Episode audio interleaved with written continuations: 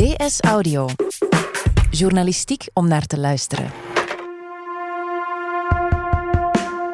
Er zijn in ons land meer volwassenen met overgewicht dan met een normaal gewicht. En als we niet opletten, gaan onze kinderen dezelfde weg op. Maar hoe doe je dat? Je kind gezond leren eten. En hoe doe je dat zonder het op te zadelen met schuldgevoelens of complexen over zijn lichaam? Mijn naam is Nele Eekhout en van op de redactie van De Standaard is dit DS Audio.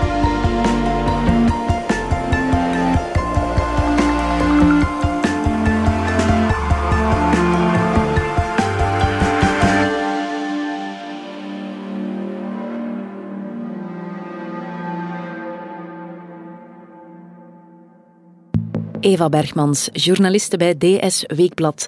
Een kind zet je niet op dieet. Dat was de titel van een artikel dat je een tijdje geleden schreef. Mhm. En dat lijkt ook heel logisch, maar is het dan nodig? Moeten kinderen op dieet? Nee, onze kinderen mogen vooral niet op dieet, mm. maar we moeten heel simpel samengevat onze kinderen leren om gezond te eten en op een uh, gezonde manier met eten om te gaan. Weten we hoeveel kinderen kampen met overgewicht? Volgens de jongste cijfers die ik vond, is het uh, om en bij de 12% van de kinderen die kampen met overgewicht. Ja. En dan heb je de categorie uh, lagere schoolkinderen van 4 tot 11 jaar.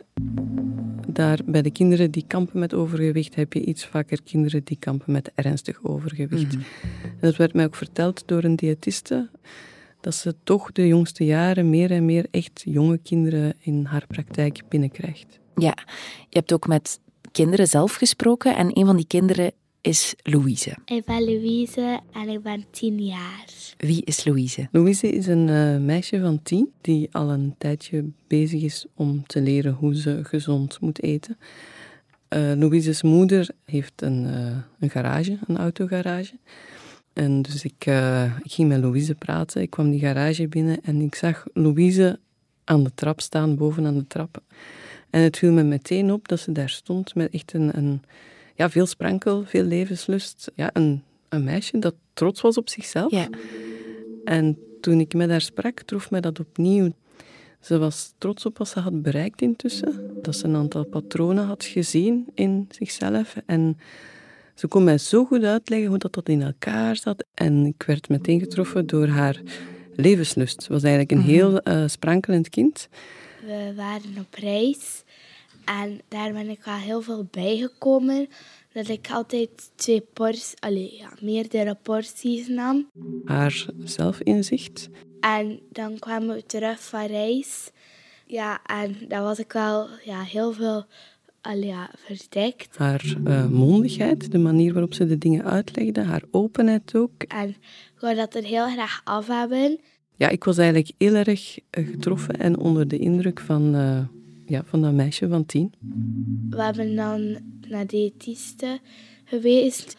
En Annelies heeft wel kunnen helpen met mij om alles in kleine stapjes ook te doen. En dat was al, al ja, heel goed. Uh, Louise is in begeleiding bij uh, Annelies, de diëtiste. Uh, mijn naam is dus Annelies Mallengier. Uh, ik was op zoek gegaan via Annelies naar een aantal kinderen die wilden vertellen hoe dat wordt aangepakt. En ik ben werkzaam als diëtiste of voedingsdeskundige. Ehm, ik focus me eigenlijk vooral op de doelgroep kinderen. Praat je kinderen geen complexen aan door hen naar een diëtiste te sturen? Het tegendeel zou eigenlijk waar moeten zijn. Um, ik denk wel dat er heel veel kinderen met overgewicht zijn die ook complexen hebben. Mhm. Dat uh, is niet onlogisch in een maatschappij die eigenlijk naar mensen met uh, overgewicht kijkt als ja, mensen die voor een stuk falen of die dat aan zichzelf te denken hebben. Um, dus uh, ja, zeker kinderen voelen wel van, oh, wat, wat, scheelt er? Ik mag hier precies niet met dit lichaam in deze wereld helemaal zijn wie ik, wie ik ben. Ja, ja. Het is heel zichtbaar hè, wat er gebeurt. Dus het is dan zaak bij diëtisten en ook bij ouders en omgeving om ervoor te zorgen dat het kind het niet ziet als ja, ik moet nu iets aan mijn eetgewoonte veranderen omdat ik tekortschiet zoals wat ik nu ben. Dus ze moeten eigenlijk leren dat het ja, er niet om gaat van dat je per se aan het slankheidsideaal moet voldoen, maar uh, dat het iets is wat je voor jezelf doet, dat je gezonder wordt en je beter voelt als je minder weegt. Of ja, zelfs dat mag eigenlijk niet. Die diëtisten die met kinderen werken, volgens de mhm. jongste inzichten, zullen niet focussen op gewichtsverlies. Die focussen echt op het gaat om gezond eten en je goed voelen in je vel als er kilo's afgaan eventueel mooi meegenomen, maar eigenlijk draait het daar niet om. Die proberen die kinderen ook gewoon op het gewicht te houden waar ze mee bij hen aankomen vanuit mm. het idee, een kind groeit nog, dus als het nu stabiel blijft, dan, ja, dan groeit het automatisch eigenlijk uit het overgewicht. Wij uh, ja, helpen eigenlijk kinderen die problemen hebben met hun gewicht of problemen met een gezonde voeding of allergisch zijn aan bepaalde voedingsmiddelen. Die komen bij ons terecht om een beetje hulp te vragen en wij helpen hen dan stap per stap om wat gezonder te leren eten en toch ook een beetje aan dat gewicht te werken. Annelies werkt in diëtistenpraktijk Lien Joosens. Ja, zij werken heel erg volgens uh, de jongste wetenschappelijke inzichten. Dat is een ingewikkelde kwestie. Ehm, in die zin dat heel lang is gedacht van een dieet is calorieën tellen en zorgen dat er niet meer binnenkomt dan er verbruikt wordt. Mhm. Ehm, maar uh, ja, ze komen er hoe langer hoe meer achter dat er veel meer factoren spelen dan dat. Dus dat het niet gewoon is tellen en discipline hebben, maar dat het echt wel een stuk genetische aanleg is, een stuk opvoeding, een stuk uh, ja, omgeving, uh, brede omgeving, de hele maatschappij eigenlijk. En heel vaak spelen er ook psychologische mechanismen mee die maken dat het heel moeilijk is om, ja, om vol te houden in het veranderen van die gewoontes. En om dan die goede gewoontes ook nog vol te houden. Ja, zeker voor een tienjarige lijkt me dat niet makkelijk. Hoe pakken die voedingsdeskundigen dat aan? Een beetje op dezelfde manier als dat bij volwassenen aanpakken, denk ik. Dus uh, helpen die kinderen om inzicht te krijgen in hun eigen patronen, mhm. eh, in wat ze eten, maar ook wanneer ze eten, waarom ze eten. Ehm, en ze beginnen er eigenlijk heel simpel aan door een kind te vragen van hou eens een week lang alles bij wat je eet. Schrijf dat op en dan kijken ze waar zitten de patronen. Um, dat ze me hielp was om ja, alles in kleinere stapjes te doen. En ehm, alles ook op te schrijven wat dat ik at. Wanneer ouders eigenlijk op de eerste consultatie zijn geweest bij ons, krijgen zij alvast een eetdagboekje mee naar huis om samen met een zoon of dochter in te vullen. Dus al ja, de maaltijden en tussendoortjes. En dan keek ze of dat ik uh, wat had ik wel had gegeten. Dat betekent dan dat ze eigenlijk zullen opschrijven of noteren wat, wat ze s morgens, uh, tussendoor, middags en s avonds eten. Is het een kind dat um, veel te vaak eet op een dag? Is het een kind dat... Uh, uh, snel naar uh, zoet grijpt. We proberen een beetje op, op een positieve manier te benaderen. We gaan ook nooit zeggen van we gaan op dieet, maar we zeggen vaker we gaan kiezen voor een beetje een gezondere levensstijl. En uh, ze keek van misschien moet je dat dan wat minder eten dan het andere. En uh, dat dan misschien sla meer eten dan in de plaats van uh, Amerika. Sommige ouders ja, zouden vaak zelf ook een keer uit automatisme durven spreken over je moet wat vermageren of um, je moet wat minder, wat minder snoepen, wat minder dit, wat minder dat. Terwijl wij eigenlijk net gaan proberen dat er niets verboden hoeft te zijn en wij proberen net te benadrukken wat wel mag. We gaan wat meer fruit eten, we gaan wat meer uh, groenten eten, wat meer gezonde producten eten. En ze halen daar een aantal werkpunten uit in overleg met het kind en ze laten het kind ook een beetje mee kiezen waar ze eerst aan gaan werken. Dus je zegt niet direct van, kijk, dit is een gezond eetpatroon, begin er maar aan. Mhm. Maar je zegt, ah, kijk, ik zie dat je niet ontbijt. Misschien is dat een werkpunt, want je lichaam heeft altijd brandstof nodig van s morgens tot s avonds, anders dan begint het te hamsteren. En zo krijgen wij dan een beter beeld en detail van hetgeen gegeten wordt. Het is niet enkel om met een rode stilo aan te duiden wat er, wat er fout is of wat er verkeerd gegeten wordt, maar ook zeker om positief te benadrukken welke zaken wel al goed lopen. Dus ze leggen dat eigenlijk allemaal uit aan een kind. En die kinderen begrijpen dat ook. Louise heeft die dingen aan mij uitgelegd op een manier dat ik dacht, ah, die heeft het mhm. echt volledig begrepen. Als je wilt vermageren, dan zou ik eerst alles een plekje geven. Dus eerst alles verwerken. En allee, dan pas echt goed op je voeding leggen. Dan zou ik dan maar stap per stap doen. En misschien ook wel naar diëtisten gaan, omdat ze kunnen je helpen als je bijvoorbeeld niet weet van zou ik nu een potje preparé mogen eten, ja of nee. Dat zij je kan vertellen of dat je dat mag eten of niet. En ik sprak niet alleen met kinderen, maar ook met ehm, ouders. En een moeder zei mij, ja, ik probeer hetzelfde te doen als mijn kind. Eigenlijk de moeder van Louise zei dat ook. Die zei, ik zie Louise het zo goed doen. En voor mij, zei ze, is het veel en veel moeilijker. Dus het is mhm. voor een tienjarige die goed begeleid wordt en zich gesteund weet door de omgeving, blijkbaar makkelijker dan voor veel volwassenen die wel zien van, ah ja, zo zou het moeten, maar ik, ik kan het niet. Ik kan het er niet bij hebben bij alles wat ik al moet doen van s morgens tot s avonds voor mijn werk en voor mijn kinderen en voor, ja, weet ik veel wat allemaal. Wanneer zetten ouders de stap om echt aan te kloppen bij een diëtiste voor een kind? De druppel, het moment waarop ze beseffen, we moeten hier hulp voor zoeken, is heel vaak het moment waarop een kind gepest wordt.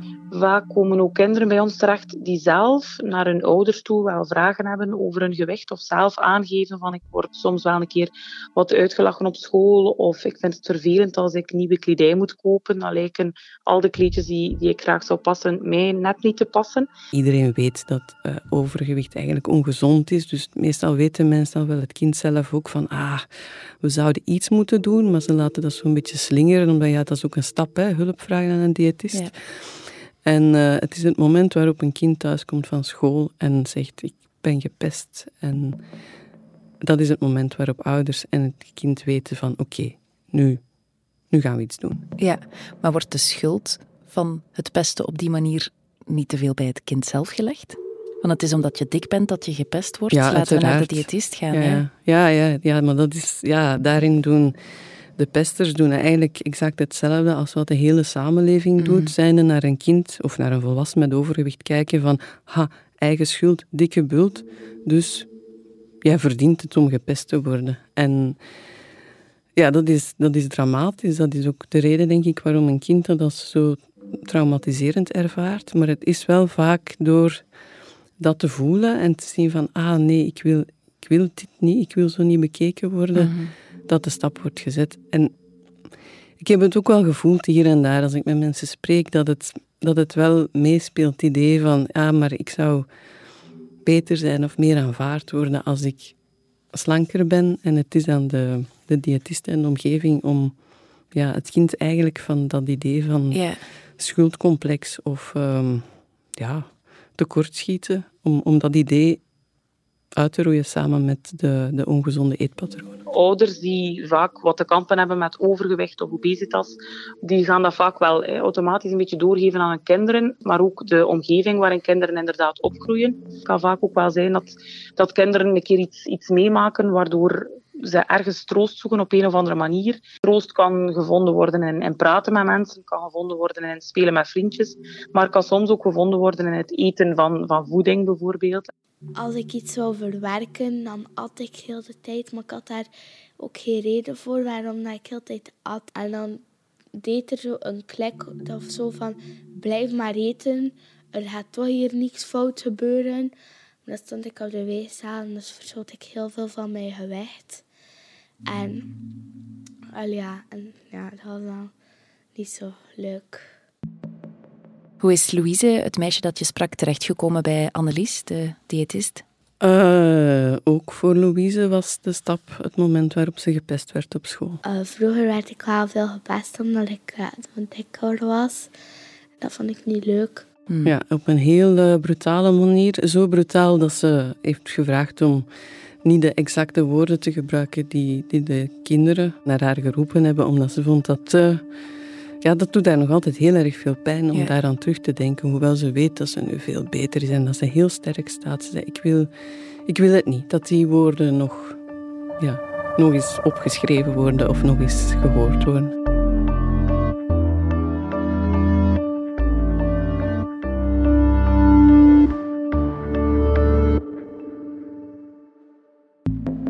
Dus bij zo'n diëtist wordt ook gewerkt aan het zelfbeeld, het zelfvertrouwen, hoe zo'n kind van het schuldgevoel vanaf geraakt, van, van uh, overgewicht te hebben. Maar hoe geraken we bij het stigmatiserende beeld vanaf dat bij de maatschappij leeft, bij die andere kinderen op de speelplaats? Um, geen idee. Hmm. Het, is een, uh, het is een misvatting, het is een vooroordeel en ik vrees dat dat een van de dingen is die het moeilijkste liggen in de samenleving. Dat is om vooroordelen uit te roeien. Dus het enige wat je kan doen is Ehm, informeren. Uh, via onderwijs, via media. Het geeft ons ook een verantwoordelijkheid om op de juiste manier over die dingen te schrijven. Ik heb mijn artikel ook laten nalezen door een, uh, een specialiste, een uh, psychologe die vooral rond voeding werkt en die zich heel erg bewust is van de vooroordelen en hoe dat je die in stand kan houden met de beste bedoelingen van ik ga een artikel schrijven en dat je toch versterkt. Ja. Doe je dat vaker als journalist naar raden gaan over hoe je op de juiste manier over een onderwerp als dit schrijft? Ja, ik, ik, probeer het wel te doen, zeker als het over gevoelige thema's gaat. En hier had ik het geluk dat uh, iemand mij had aangeraden om met uh, Anne van de Putten van eetexpert.be te gaan spreken. Eigenlijk over de thematiek zelf, van hoe zit het met kinderen, overgewicht, uh, hoe moeten we dat aanpakken. En het was in de loop van dat gesprek dat ze mij zei van, ja, we zijn ook bezig met het opstellen van een aantal richtlijnen voor journalisten om aan te geven hoe kun je hierover schrijven zonder dat je eigenlijk die vooroordelen en die stigmatisering mee in stand houdt? Had ze concrete tips? Ah, wel, ze heeft me heel goed geholpen door uh, mijn artikel na te lezen voor publicatie. Mhm. En um, een van de dingen die ze zei was... Uh, dus die kinderen vertelden ook hoeveel gewicht ze verloren waren in de loop van hun uh, proces. En ze vroeg um, om dat eruit te laten. Want ze zei, mm. als je in dat artikel ook weer gaat focussen op het aantal kilo's dat eraf gaan, terwijl het eigenlijk niet is waarop de focus mag liggen, niet mhm. voor de behandeling, maar ook niet ja, in, het, in het hele beeld dat de maatschappij daarvan heeft. Als je dat toch opnieuw gaat doen in het artikel, dan hou je eigenlijk mee het beeld in stand. Van Je moet kilo's verliezen om te voldoen aan een maatschappelijke norm. En als het niet lukt, is het je eigen schuld. Niet te hard applaudisseren als iemand gewicht is verloren. Ja, dat is een hele moeilijke. Dus je moet echt focussen op dat idee van het gaat om gezond leven, het gaat niet om gewichtsverlies. Dus ook dat die kinderen eerder vertellen van ja, ik voel me beter nu, ik ga sporten, dat doet dit en dit met mij, eerder dan dat die kinderen zouden vertellen, ik voel me beter, want ik weeg 10 kilo minder en ik zie dat de kinderen op een andere manier naar mij kijken. Ja, ja, ja.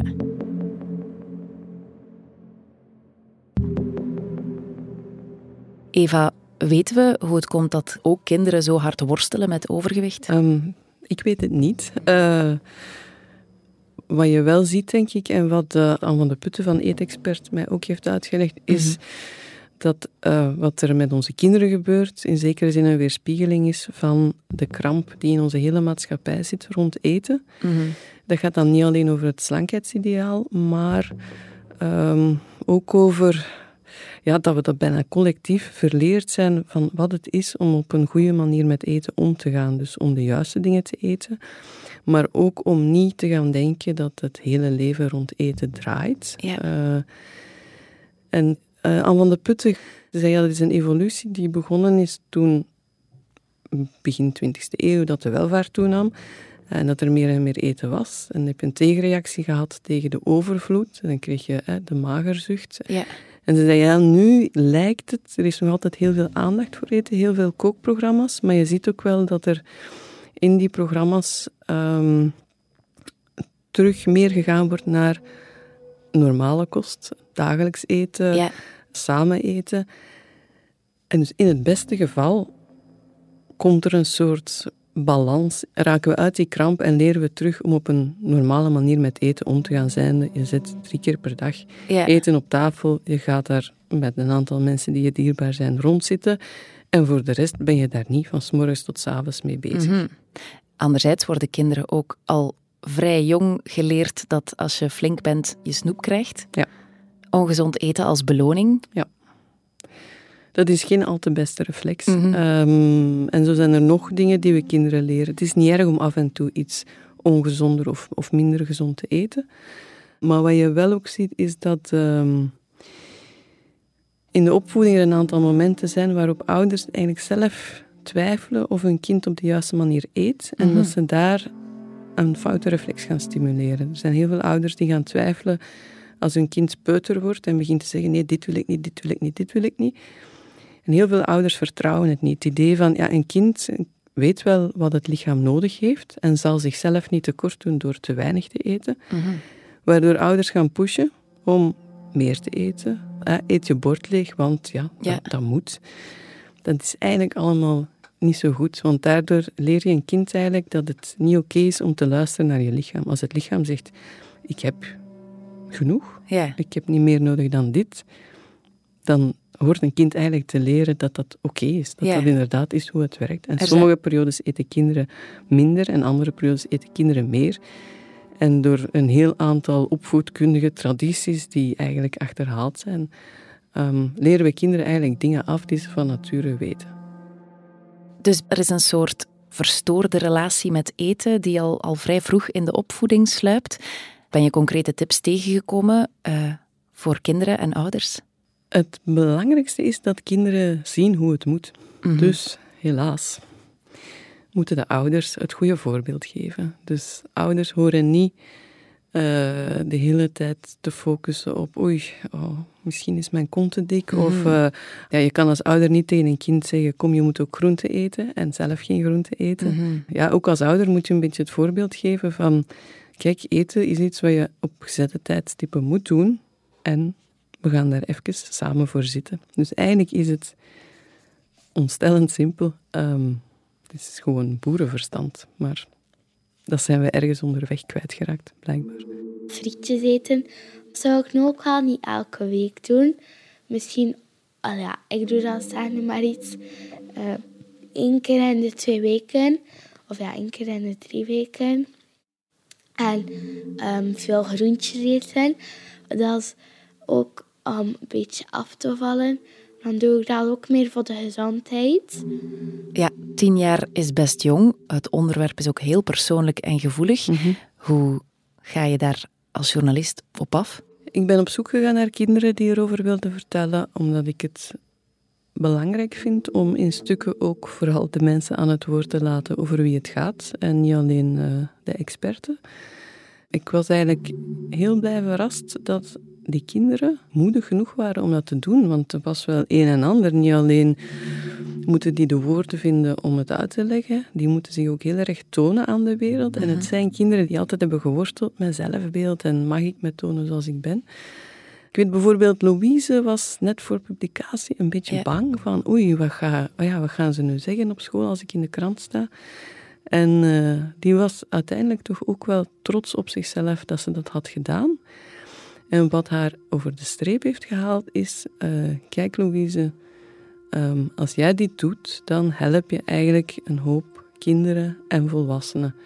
Omdat je een goed voorbeeld toont en omdat je toont hoe je dat kan aanpakken en hoe dat je de, ja, de moed gevonden hebt om die dingen te veranderen. Eva Bergmans, dankjewel.